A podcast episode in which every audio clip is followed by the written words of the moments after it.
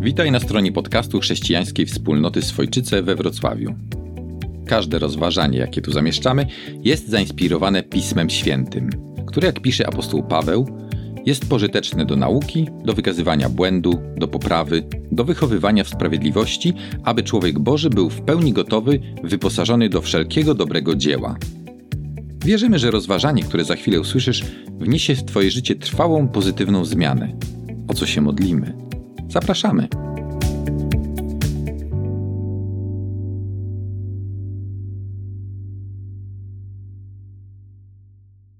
Bill był amerykańskim oficerem Marines i wrócił do swojego kraju z niewoli z wojny w Afganistanie. Był witany jako bohater, jako ktoś, kto miał za sobą niezwykłe czyny, jako ktoś, kto był pokazywany palcami na ulicach jako symbol odwagi, symbol e, bohaterstwa, patriotyzmu. Ludzie z daleka go pozdrawiali, rodzice pokazywali swoim dzieciom, ale z każdym dniem Bill czuł się coraz gorzej. Nie czuł się tym, za kogo ludzie go uważali. Uważał, że nie zasługuje na to, aby go tak witać. Popadł w depresję, miał myśli samobójcze. Jego żona nie rozumiała, co się z nim dzieje. Pewnego dnia powiedział, że musi z nią porozmawiać. Opowiedział jej dramatyczną historię, jaka, ma, jaka miała miejsce, kiedy był w Afganistanie. Mój zostałem schwytany przez talibów i wrzucony ze swoim żołnierzem do jamy w ziemi. Tam spędziliśmy w ciemnościach, gdzie podawano nam raz dziennie posiłek.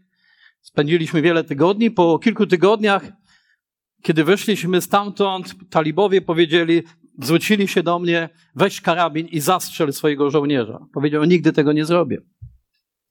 Na drugi dzień sytuacja się powtórzyła. Rzucili karabin kałasznikowa pod jego nogi i powiedzieli, zabij swojego żołnierza.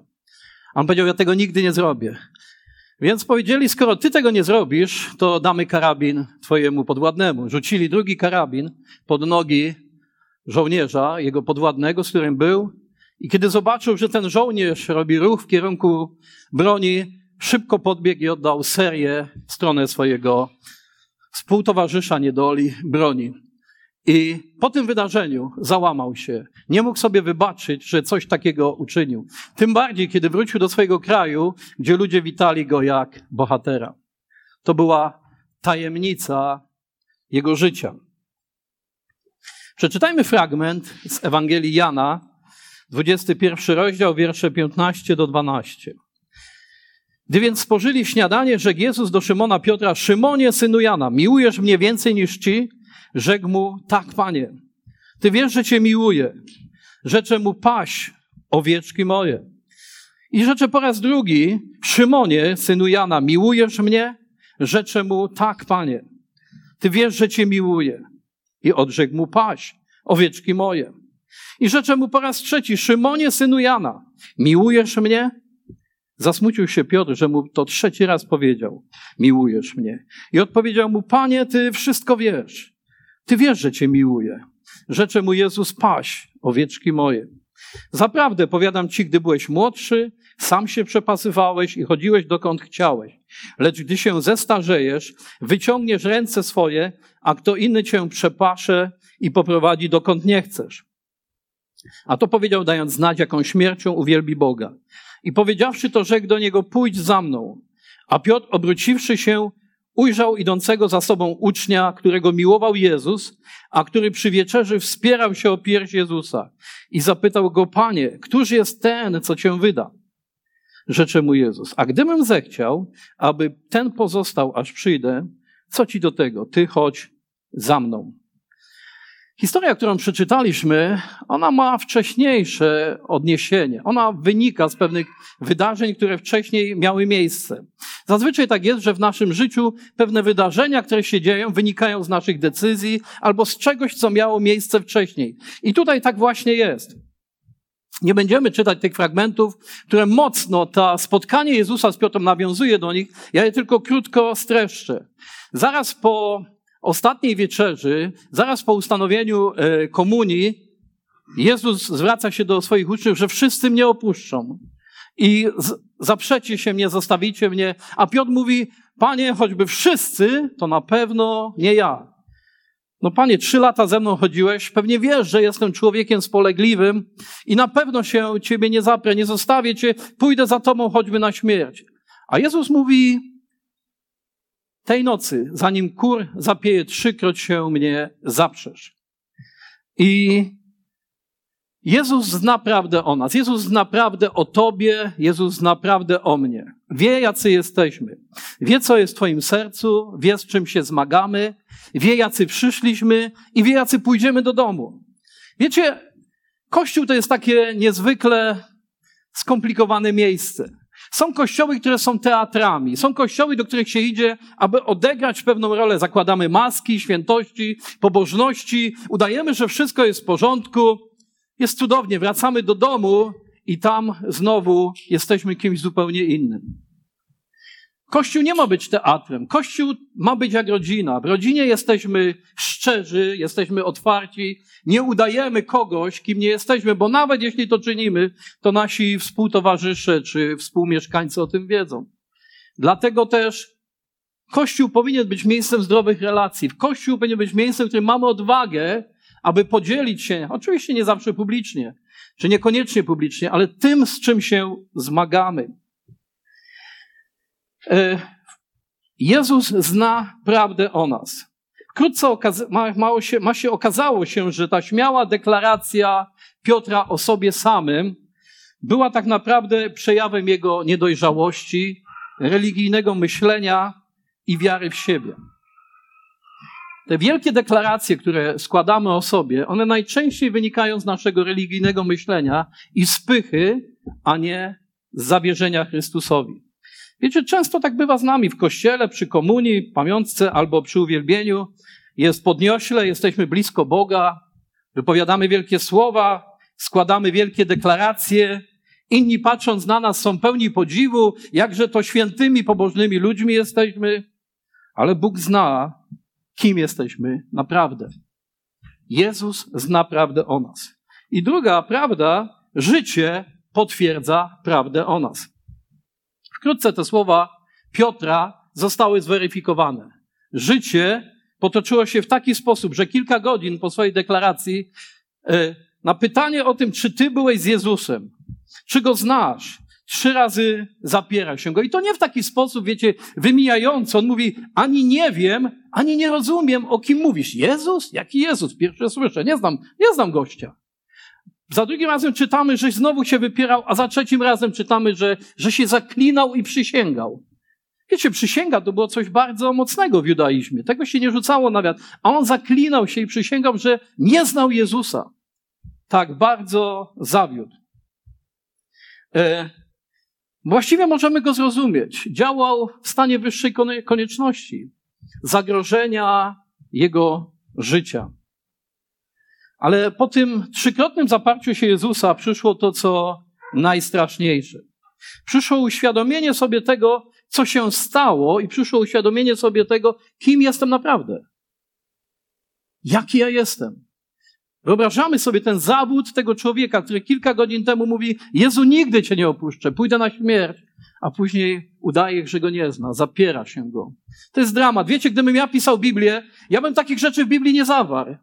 Bo my w kościołach lubimy pomnikowe postaci. Lubimy ludzi, którzy są bez wad, którzy nigdy nie upadli, ludzi, którzy mają za sobą tylko bohaterskie doświadczenia, ale dzięki Bogu Biblia taka nie jest. Biblia nie ukrywa słabości, grzechów, upadków ludzi, którzy dzisiaj nazywani są bohaterami wiary. Gdybym ja pisał, powiedziałbym, po co pisać o tym Piotrze, który tak zawiódł? Tym bardziej, że później był ponoć papieżem. To już w ogóle nie wypada, nie? E... Biblia taka nie jest. Pokazuje ludzi, z ich słabościami. Myślę, że próbujemy, czy możemy próbować wczuć się w sytuację Piotra. Jakie myśli nim targały? Gdy przypomniał sobie to, co, się, co Jezus powiedział i co się stało. Czytamy, że gorzko zapłakał. Ten twardy człowiek, rybak, zaprawiony do przeciwności losu i natury, płacze nad swoją kondycją. Jako ludzie tacy jesteśmy. Składamy deklaracje, składamy wielkie obietnice, przysięgi, których nie dotrzymujemy. Dzieci mówią do mamy, mamo, ja już będę grzeczny, ja już nigdy tego nie zrobię. A za pół godziny robi to samo. Mąż mówi, ojciec mówi do swojej rodziny, już nigdy się nie napiję, zaufaj mi, już będę trzeźwy. Niestety do najbliższej wypłaty i sytuacja się powtarza. Żona do męża, już nigdy na ciebie nie wybuchnę i nie zrobię ci awantury. No ale jak mając męża obok siebie, okazja zawsze się znajdzie, żeby zrobić. E, małżonkowie składają przysięgę w kościele, w urzędzie i ślubuję ci miłość, wierność, uczciwość małżeńską i że cię nie opuszczę. Jednak czas zaciera znaczenie słów i to, co miało być nigdy, okazuje się być do pewnego czasu. Tacy jesteśmy. Tacy jesteśmy jako, jako ludzie. Kościele mówimy i śpiewamy o miłości do bliźniego, jak siebie samego, podczas gdy wracamy do domu z lubością, opowiadamy złe rzeczy o innych. Tacy jesteśmy. Może, w niedziel- może na nabożeństwie dzisiaj trudno się nam do tego przyznać, ale tacy jesteśmy. Składamy deklaracje, a życie pokazuje, że jest inaczej. Więc prawda numer dwa, prawda numer jeden, Jezus naprawdę o nas i prawda numer dwa, życie potwierdza Bożą prawdę o nas. Powtórzę jeszcze jedną rzecz, że każda nasza śmiała deklaracja o sobie samym jest przejawem religijnego myślenia, jest przejawem ufania, pokładania sił w sobie, przejawem niedojrzałości i pychy, jest wiarą w siebie, a nie w Jezusa. Możemy zatem zadać pytanie, czy jest nadzieja? Czy jest nadzieja dla mnie, czy jest nadzieja dla ciebie? Tak, jest. I tym pierwszym krokiem jest to, co zrobił Piotr. Zapłakał. Uświadomił sobie swój stan, uświadomił sobie to, jaki jest naprawdę. Nie ten wizerunek, który miał sam o sobie, czy ludzie być może o nim myśleli. I prawda numer trzy to będzie ta najdłuższa, która wynika bezpośrednio z tego fragmentu Słowa Bożego. To jest, pomimo tego, iż życie potwierdza Bożą prawdę o nas, to jednak Jezus daje nam kolejną szansę. I chciałbym, abyśmy chwilę zmierzyli się z tym fragmentem. Zjedli śniadanie i po śniadaniu Jezus zabiera Piotra na rozmowę. Zwróćmy uwagę, jak wiele w Ewangeliach, jak wiele w Ewangeliach wydarzeń e, ma miejsce przy posiłku. Przy kolacji, przy uczcie, przy śniadaniu. Ten motyw pojawia się wielokrotnie. E, przy posiłku wydarzają się fajne rzeczy, dlatego warto zapraszać siebie na kawę, na obiad, na kolację, bo wtedy wchodzimy w takie bardziej naturalne re, e, relacje. Mówimy szczerzej, pokazujemy siebie tacy, jakimi jesteśmy. Jezus wykorzystywał posiłki do tego, żeby wejść w relacje, w dialog z ludźmi. Dlatego zapraszajmy się do domu, zapraszajmy naszych znajomych. Ja kocham, my mamy taki dom, gdzie mieszkamy na głębokiej wsi i nawet tak dalece. Mieszkaliśmy kilkanaście lat w Norwegii, jak Mirek wspomniał. E, przeprowadziliśmy się koło Gdańska, bo tam mieliśmy jedyny bezpośredni samolot do, do Polski. Chcieliśmy mieszkać w pobliżu dużego miasta ale mieszkamy na wsi, a nawet nie w centrum na wsi, ale zupełnie na uboczu wsi. Ale w naszym domu ciągle są goście, ciągle są ludzie, dlatego że moja żona kocha gości, ja też kocham gości i to, co odkrywam, Mirek nie tak dawno z Batą byli u nas, że jest, to jest okazja do tego, żeby rozmawiać, żeby wchodzić w głębokie e, interakcje. Wiecie, ludzie mają potrzebę rozmowy, ale ludzie często nie rozmawiają, bo boją się tego, że ktoś ich nie zrozumie, ktoś ich zrani, ktoś wyzdradzi.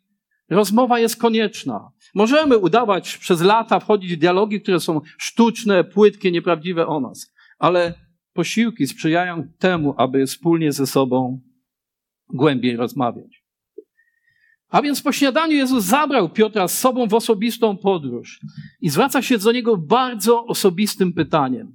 Szymonie, synu Jana, czy ty mnie miłujesz? To sformułowanie, ono pokazuje, że to jest bardzo osobiste pytanie. To nie jest pytanie e, ogólne. Żebyś Piotrze nie miał wątpliwości, to jest, to jest moje pytanie do ciebie. Szymonie, synu Jana, czy ty mnie miłujesz? I wiecie, w tym fragmencie, szczególnie w tekście, w tak zwanym tłumaczeniu brytyjskim, nie widać tej, tego dialogu, który tam, tam się odbywa, ze względu na tłumaczenie. Ale Jezus zadaje pytanie, czy ty mnie miłujesz, używając słowa agapas me. A Piotr, o dziwo, nie odpowiada w ten sam sposób, ale odpowiada e, filose. W ten sposób odpowiedział. I dwukrotnie Jezus powtarza to pytanie i dwukrotnie Piotr odpowiada w taki sposób. I za trzecim razem w końcu Jezus zadaje, pyta, zadaje tak samo sformułowane pytanie agapas me, E, za trzecim, dwa, dwukrotnie powiedział w ten sposób, a za trzecim zadał już pytanie w sposób, jaki odpowiedział Piotr. Fileisme. Tego nie widać w naszym brytyjskim tłumaczeniu. Jezus pyta Piotra, Piotrze, czy ty mnie miłujesz taką doskonałą Bożą miłością? Tą, którą deklarowałeś kilka godzin wcześniej. I zwróćmy uwagę, że po dwóch razach u Piotra nie wywołuje to jakiejś większej reakcji. Dopiero za trzecim razem, kiedy Jezus zadaje mu pytanie, czytamy, że Piotr się zasmucił. Ja przypuszczam, że przypomniał sobie to, co wydarzyło się kilka dni wcześniej. Przypomniał sobie to, że trzykrotnie też musiał odpowiedzieć na pytanie, czy znasz Jezusa. I nie zdał egzaminu. I kiedy pytamy go, czy jesteś, czy jesteś uczniem Jezusa, odpowiadał, nie, nie znam go. Przypomniał sobie swoje deklaracje i jak bardzo zawiódł. I teraz miałby odpowiedzieć, patrząc w oczy Jezusa, Panie, tak ja Cię kocham? Potrafimy wyobrazić sobie to, dynamikę tego wydarzenia. Wiecie, ja w ogóle mam tak, że spróbuję to przenieść na taki grunt, może dla niektórych on będzie trudny, ale wiecie, my jak często jak czytamy Biblię, to czytamy jacyś faryzeusze, jacyś saduceusze, jacyś celnicy, grzesznicy. Wiecie, to nas w ogóle nie dotyka, bo to nie jest o nas. To są, to są postaci archaiczne, nie z naszej kultury. My się z tym nie utożsamiamy, to nas nie dotyka. I kiedy słyszymy słowo zaparcie się Piotra, zdrada Piotra, to też nas nie dotyka. Ale tak naprawdę wyobraźmy sobie sytuację, że być może takie masz doświadczenie, może nie, że zostajesz zdradzony przez swojego współmałżonka. I zadajesz mu pytanie, czy mnie kochasz. I trzeba odpowiedzieć, patrząc w oczy tego, którego wcześniej zdradziłem, zdradziłam. Jak trudno jest odpowiedzieć, tak, kocham cię. I tu mamy do czynienia z takim wydarzeniem. Nie z lekkim opisem zaparcia się Piotra, ale z sytuacją, w której on ma świadomość, że całkowicie zawiódł, że całkowicie nie zdał egzaminu, że jego wielka deklaracja o nieskończonej, doskonałej miłości do Jezusa jest funta kłaków warta. I Piotr mówi, Panie, Ty wszystko wiesz. Ty znasz prawdę o mnie. Ty wiesz, że Cię miłuję, ale tak po ludzku. Tak jak przyjaciela. Jeszcze niedawno myślałem, że, że moja miłość jest większa niż wszystkich innych. Ale dzisiaj wiem, że tak nie jest. I to jest niezwykle szczere wyznanie. Ile trzeba przejść, żeby wypowiedzieć takie słowa? Jakie są konsekwencje tej osobistej, głębokiej rozmowy, którą Jezus ma z Piotrem? Wiecie, w naszym życiu zdarzają się takie przełomowe momenty, które i ten moment powoduje daleko idące konsekwencje, że od tego momentu nasze życie jest przewartościowane. Jakie są konsekwencje zatem tej rozmowy?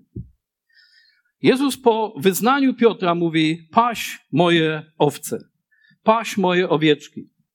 Żeby pasterzować ludziom, człowiek musi odrobić pewną bardzo trudną lekcję. Zawieść się na sobie samym. Zdrowe zasady, wysokie normy moralne są niewystarczające do tego, żeby być pasterzem dla ludzi. Nie da się tego zrobić w ten sposób. Można być niezłym kierownikiem, można być niezłym liderem, ale nie można być pasterzem, jeżeli człowiek nie doświadczył tego, że zawiódł się na sobie samym. Dopiero wtedy ma serce pasterza, serce łaski i zdolności przebaczenia. I tak jak powiedziałem, nie wystarczy być człowiekiem z chrześcijańskimi przekonaniami i zasadami. To za mało, to o wiele za mało. Ponieważ Bóg używa ludzi złamanych, i nie chcę dawać przykładów, których jest mnóstwo, zarówno w Starym, jak i Nowym Testamencie. Ludzi, którzy zawiedli się na sobie i doświadczyli Jego przebaczenia, pomimo tego, co zrobili. Wiecie, Bóg nie używa ludzi doskonałych. Bóg nie używa ideałów. Wiecie dlaczego? Dlatego, że ich nie ma. Mirek nie jest doskonały. Trudno w to uwierzyć, ale nie jest. Gdyby był doskonały, nie potrzebowałby zbawienia nie potrzebowałby e, relacji z Jezusem. Bóg nie używa ludzi doskonałych, nie szukajmy ich, ich nie ma. Cała Biblia, cała historia Kościoła jest pełna ludzi, którzy zmagali się ze swoimi problemami.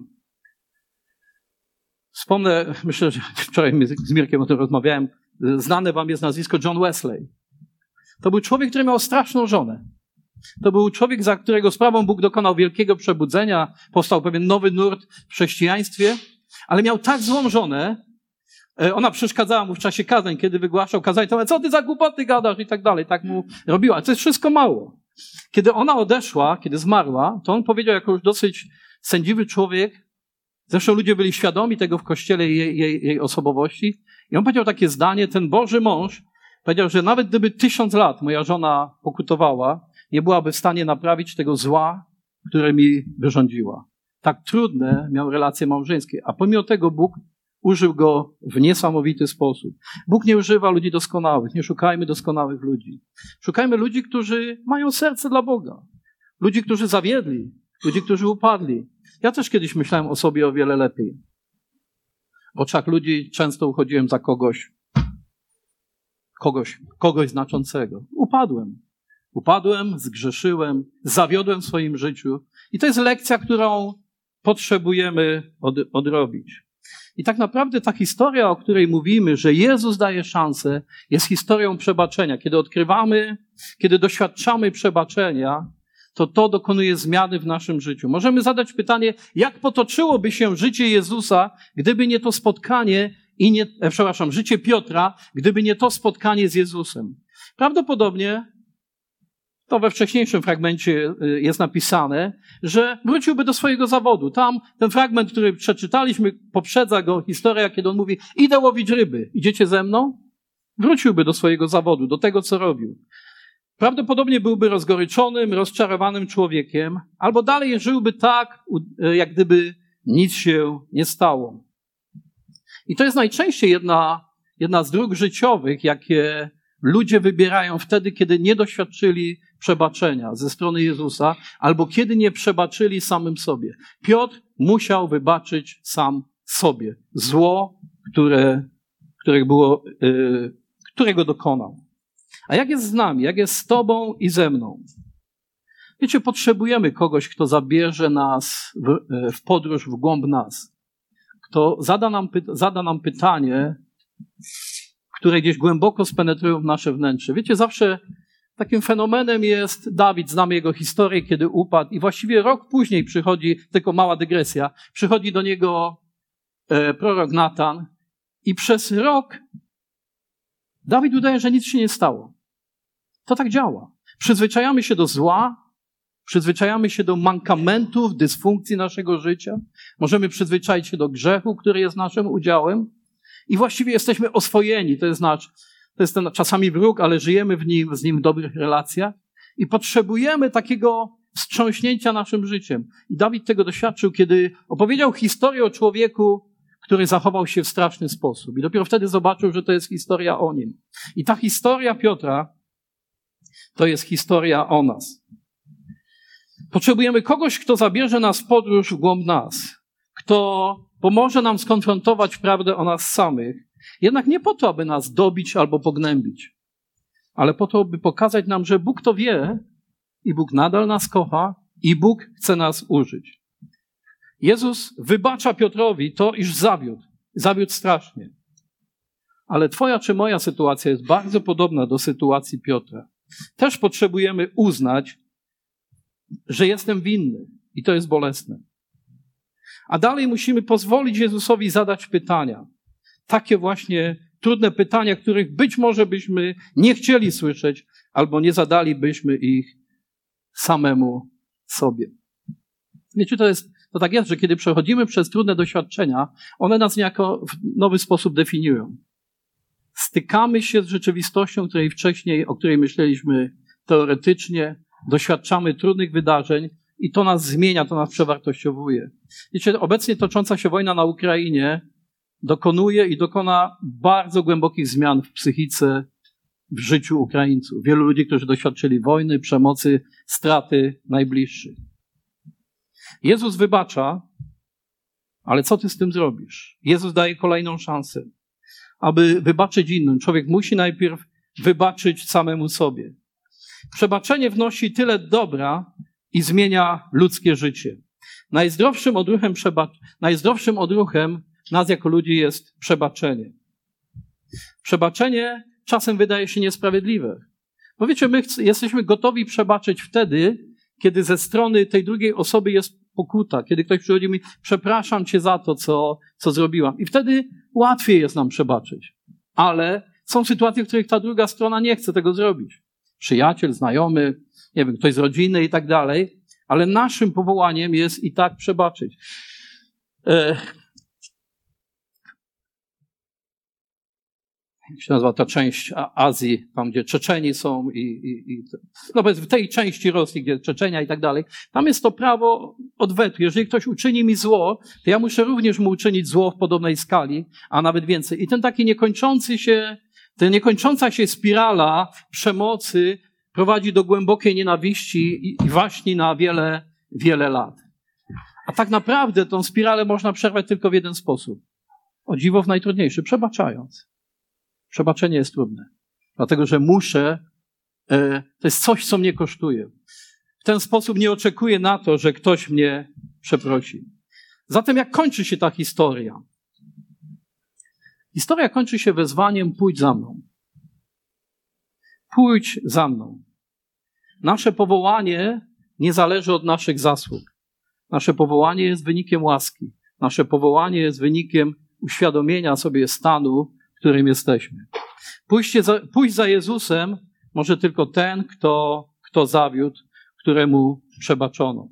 Kiedyś takie zdanie słyszałem, że w kościele musimy za, zawieść się na trzy razy. Najpierw zawodzimy, musimy zawieść na swoim kościele, później na swoim pastorze, a, dopiero później, a później na sobie samym. I wtedy jesteśmy gotowi do tego, aby w dojrzały sposób służyć Bogu. Wiecie, i tutaj my lubimy jednak się oglądać na innych. Mówimy, a co z tym? A co z tamtym? Piotr zadaje to pytanie, obraca się i widzi, że za nim idzie, za nimi gdzieś w pobliżu jest Jan. Mówi, Jezu, a co z tym? Ty mnie wzywasz do tego, żebym poszedł za tobą, a co z nim? Ale Jezus mówi, co tobie do tego? Ty pójdź za mną. To moje wezwanie jest do ciebie. Ty pójdź za mną. Nie oglądajmy się na ludzi. Nie myślmy o tym, a co Bóg zrobi z nim? O, ja bym poszedł, ale gdyby nie ten. Jezus mówi: Nie oglądaj się, ty pójdź za mną, zostaw go mnie. Jeśli ja mam swoje plany wobec niego, to ja je zrealizuję. Zatem co zrobimy z tym, co, co słyszymy? Albo zmierzymy się z tym, jacy jesteśmy naprawdę, albo zmierzymy się z tym i zamkniemy pewne rzeczy w naszym życiu, które być może blokują nas przed tym, aby zrobić kolejny krok za Jezusem, aby nasze życie mogło być większą inspiracją, większą zachętą dla drugiego człowieka. Albo zmierzymy się z naszą przeszłością, grzechem, nieprzebaczeniem, albo wszystko zostanie po staremu. Jednak wtedy nie da się pójść za nim. Jednak wtedy nie da się pójść za Jezusem. Zatem dokonajmy wyboru, aby pójść za nim, ponieważ Jezus daje nam, daje mnie daje Tobie szansę. Amen.